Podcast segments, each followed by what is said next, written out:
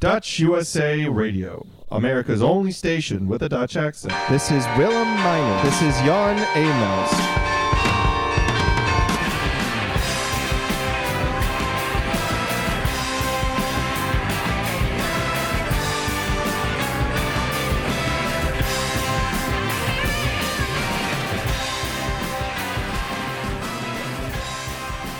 Dag allemaal, dit is Jan Emaus vanuit Hilversum, een zonovergoten Hilversum zelfs. En ietsje verderop zit Willem Meiners. Op een plek waar de zon ook een bijzondere rol speelt in de Verenigde Staten. Dag Willem. Ja, nou en of, uh, dag Jan, hier in Bangor in Maine. Ook bekend als het enige echte Willemstad van Amerika. Uh, komt hij het eerst op. En dan zijn er soms uh, negatieve jongens die zeggen dan gaat hij waarschijnlijk ook het eerste onder. En dat is ook zo. Ja. een paar, paar kilometer ten zuiden van mij, uh, Jan. Um, ik heb dat niet uitgerekend. Uh, Harry kan het nog straks vertellen. In uh, Philadelphia zit Henry Neer. Henry heeft een opmerkelijke gang naar Amerika in vergelijking met al die andere emigranten die wij hebben gesproken in deze podcast-serie, Jan.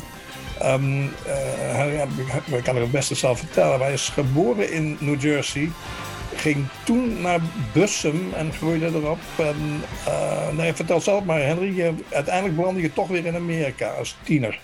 Ja, dat klopt. Uh, geboren in Plainfield, New Jersey. maar niet lang gebleven. mijn ouders die zaten daar. Mijn vader met het werk.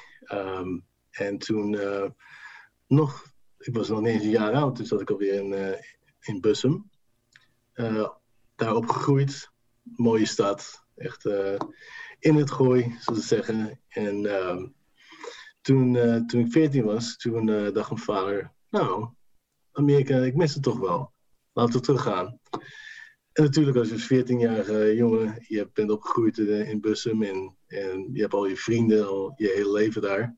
Dat is best wel best wel moeilijk, maar toch wel een mooie uitdaging, dacht ik. Uh, en je hebt geen keuze. Ik bedoel, je, je ouders uh, verhuizen als 14 jaar je kan niet achterblijven. dus uh, dan gingen we naar uh, Glasgow, New Jersey. Um, in South Jersey is dat. Ben, toen ben ik daar naar high school gegaan. Voor vier jaar. want ik kwam erin als, als freshman en gebleef tot, tot naar senior year. Maar ik vond ik miste Nederland. Ik vond Amerika niet echt uh, mijn land op dat moment. En uh, toen we teruggaan naar Nederland, een paar jaar gebleven. Toen, uh, toen nog een stint gehad bij Dudok College, ook in, in Hilversum. Ja. ik weet niet of het nog steeds Dudok heet, maar toen heette het Dudok naast het spoor. Ja, bestaat nog steeds. En oh ja, toen in de restaurants gewerkt. Uh, in, ook in Hilversum, op de Groest. Maar na een tijdje dacht ik, nou, ik, uh, ik moet toch uh, iets doen met het leven. Ik moet toch studeren, wat verder studeren dan de Dudok. Um, dus weer terug verhuisd naar Philadelphia. En toen hier naar University gegaan in Philadelphia. En daar heb ik mijn, toen mijn vrouw ontmoet. En uh, kinderen gehad. Wel één kind op dat moment. Uh, mijn zoon Leon. En uh, nou, zoals je weet, Nederland is echt het is een mooi land om op te groeien als, als kind. geweldige scholen. Ik bedoel, je kan de school lopen of fietsen. Dus ik dacht, nou, laten we hetzelfde doen voor onze kinderen. en zij zei, ja, waarom niet? Ze is er één keer geweest, eerder uh, kleine vakantietje om mijn ouders te ontmoeten. Dus wij dachten, nou, waarom niet? Dus uh, wij hebben terug verhuisd. Ja, maar zij vond het, om echt daar te wonen, uh, ze vond het helemaal niks, helaas. Dus ja, na drie jaar daar probeerde te, te wonen, trok ze het echt niet meer. En dus wou ze echt teruggaan. Wat, wat dus, zij uh, in het bijzonder, Henry, in Nederland? Wel, zij vond het uh, de, de, cultuur trok ze aan van, van uh, ja, hoe zegt ze het? Zij, dat hun mensen uh, openlijk zijn. Ehm, ook dat, uh, hoe zei ze het ook weer? Dat, dat, het probleem is ook, voor haar was de taal.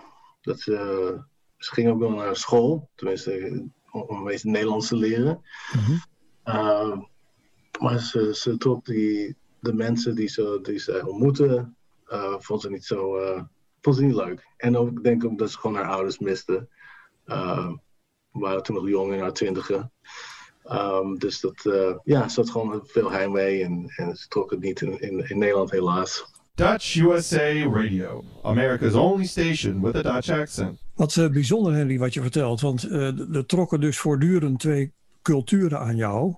Uh, je, je, hebt er zelf ook over getwijfeld. Van moet ik nou in de Verenigde Staten blijven of toch weer teruggaan?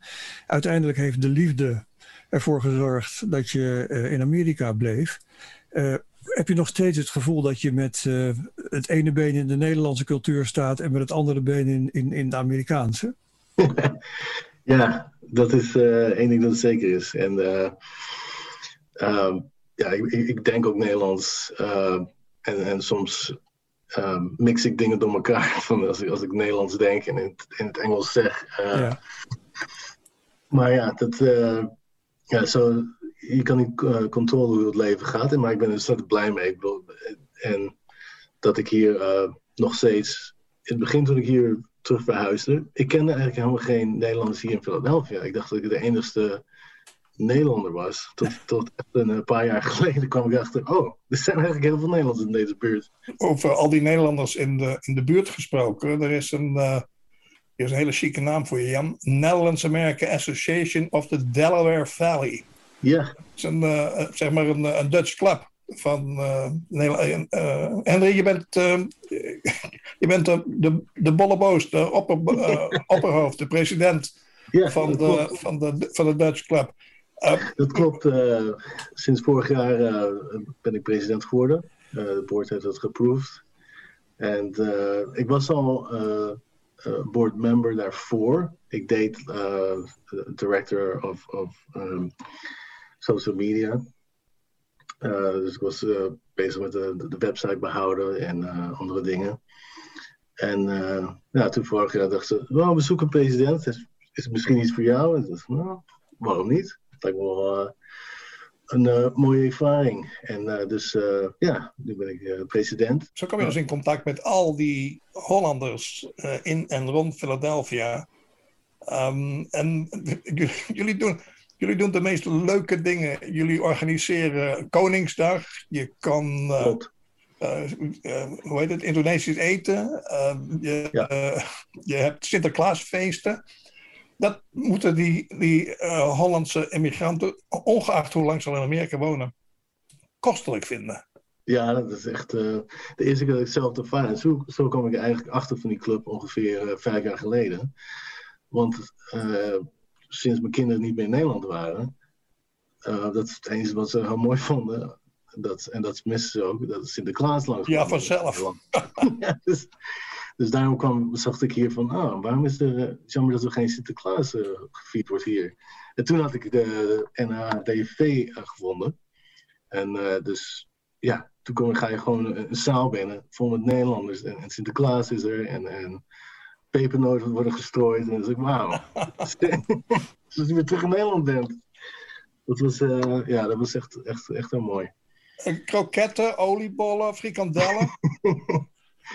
Ja, kroketten, dat uh, uh, heb, ik, heb ik dit jaar voor het eerste keer. Uh, laat ik even vertellen, want ja, ik ben dus president geworden vorig jaar. En dat is natuurlijk een heel moeilijk jaar, moeilijk jaar om, dingen te, te organiseren. Dat kon nog niet, want vanwege de virus.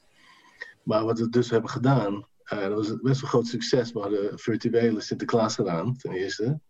Dus we hadden echt, laten we zeggen, een Zoom-meeting met de twintig van die vakjes op, op je scherm en met alle kinderen en uh, Sinterklaas in het midden. Dat, was, dat ging echt uh, dat was heel mooi. Kostelijk. Ja, en toen uh, in de wintertijd hebben we, hadden we een, een Nederlandse kok die eigenlijk woont in Californië. Die deed kooksessies elke week. Dus hoe maak je eigen kroketten, hoe maak je oliebollen, dat deden we met de nieuwjaars. En uh, dan kon iedereen gewoon uh, meezoomen en we deden met z'n allen. En dat was heel, uh, heel gezellig, ook al konden we niet samen zijn. Toch waren het wel.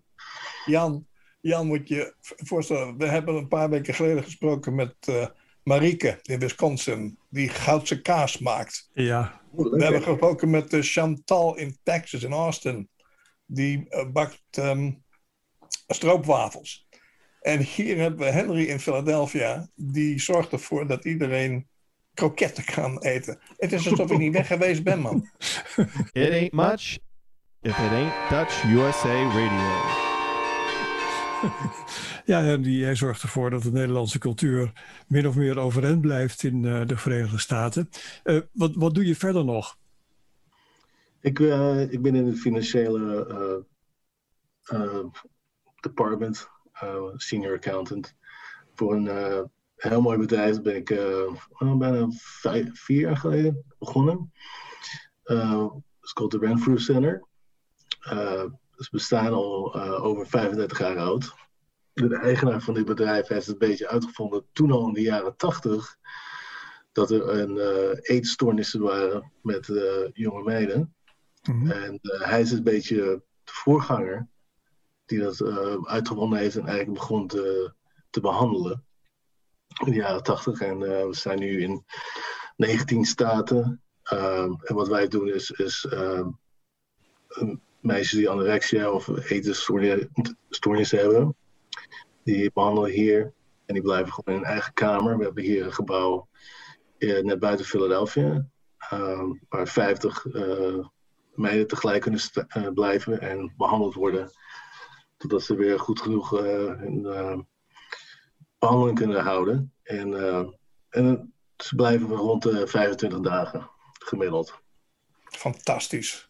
Ja. En, en uh, um, het is een beetje een gekke vraag misschien, maar is een eetstoornis te genezen? Ja en nee, dat is heel uh, afhankelijk uh, van de persoon zelf. Het is niet zo'n normaal andere ziekte. Oh, geeft iemand de pil en dan zijn we goed. Ehm, want heel veel is ook mentaal, dus ze moeten behavioral health doen. ze, moeten, ze worden getest, ze worden namelijk zelfs naar restaurants genomen en kijken hoe ze het doen. Hoe bestellen ze, wat bestellen ze. Ze gaan echt, ze houden het heel goed in de gaten dat ze gewoon in het normale leven door kunnen gaan. Als er niemand kijkt, of als er niemand op hen let. Dus, dus, ja, het is een heel mooi programma wat hij samenstelt. En, en ik heb eigenlijk deze week gesproken met de eigenaar. Want ik had het programma gezien op NPO. hoe slecht het gaat in Nederland eigenlijk door de pandemie hoeveel jonge meiden uh, eetstoornis hebben uh, gekregen. Mm -hmm. En dat ze in Nederland niet zo goed, niet zoveel van weten om het te bestrijden, om te handelen en dat soort dingen. Dus misschien dat we een Renfrew Center in Nederland krijgen. Nou ja, jij bent natuurlijk de verbindende factor in deze. ja, precies, dat zei je ook. Dat, ja, dat zou mooi zijn. Ze, ze doen goed werk. Jan, wat ik zo mooi vind aan um, het verhaal van Henry, zijn levensverhaal en zijn, zijn alledaagse uh, praktijk, is um, die combinatie van, um, nou ja, gewoon fantastisch werk doen voor, voor, voor tal van Amerikaanse gezinnen, die allemaal meelijden als zo'n meisje uh, zo'n eetstoornis oploopt. Ja. Aan de ene kant en aan de andere kant uh, gewoon de vrolijke vlieren, fluiters, uh, bijeenkomsten van die uh, Dutch clubs. Um, waar je ook weer, um, ja, ik zeg tientallen, maar ik denk hier en daar wel honderden Dutch American gezinnen blij mee maakt. Ja, het zijn er zeker honderden. We hebben ongeveer rond de 500 op de e-maillijst en over de 100 echte betaalde members. Um, ja, het is wel een grote, grote club. En als nou, Henry, als nou, um, je zit in Philadelphia, ten noorden van je zit New York, ten zuiden zit uh, Washington. Dat zijn ook twee grote uh, Dutch American clubs. Als ja. jullie die nou eens allemaal samen zouden brengen, zeg maar, in, um, in, in, in, of rond Philadelphia. Hoeveel man zouden komen opdagen, denk je? Oh, dat is een hele goede vraag. Dat zouden heel eh, wat zijn. En we hadden het eigenlijk voor, eh, tenminste, ik had iemand gesproken van de DC-members, de Nederlanders daar.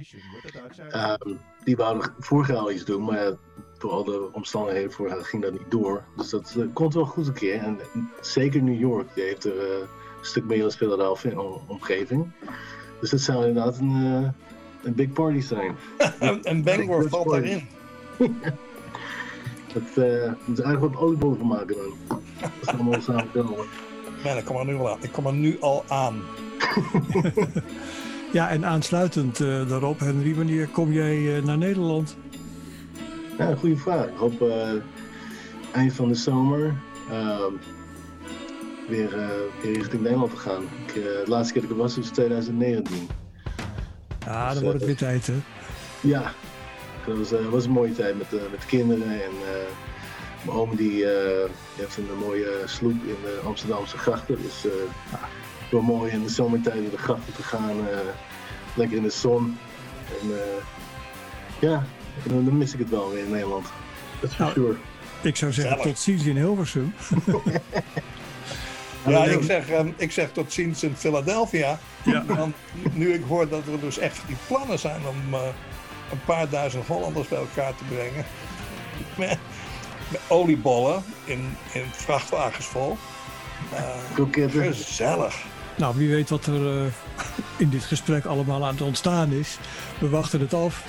En Henry, ik wil je zeer bedanken voor je prachtige uh, verhaal. En, uh, en, succes in je mooie werk. Ja, hartstikke bedankt. En bedankt voor dit gesprek as wel. Ja, wederzijds hier aan deze kant, uh, Henry. Uh, beautiful story. Uh, dank je dat je het hebt willen delen. En zonder enige twijfel tot ziens. Ja, kun je het weten. Je weet waar we zitten.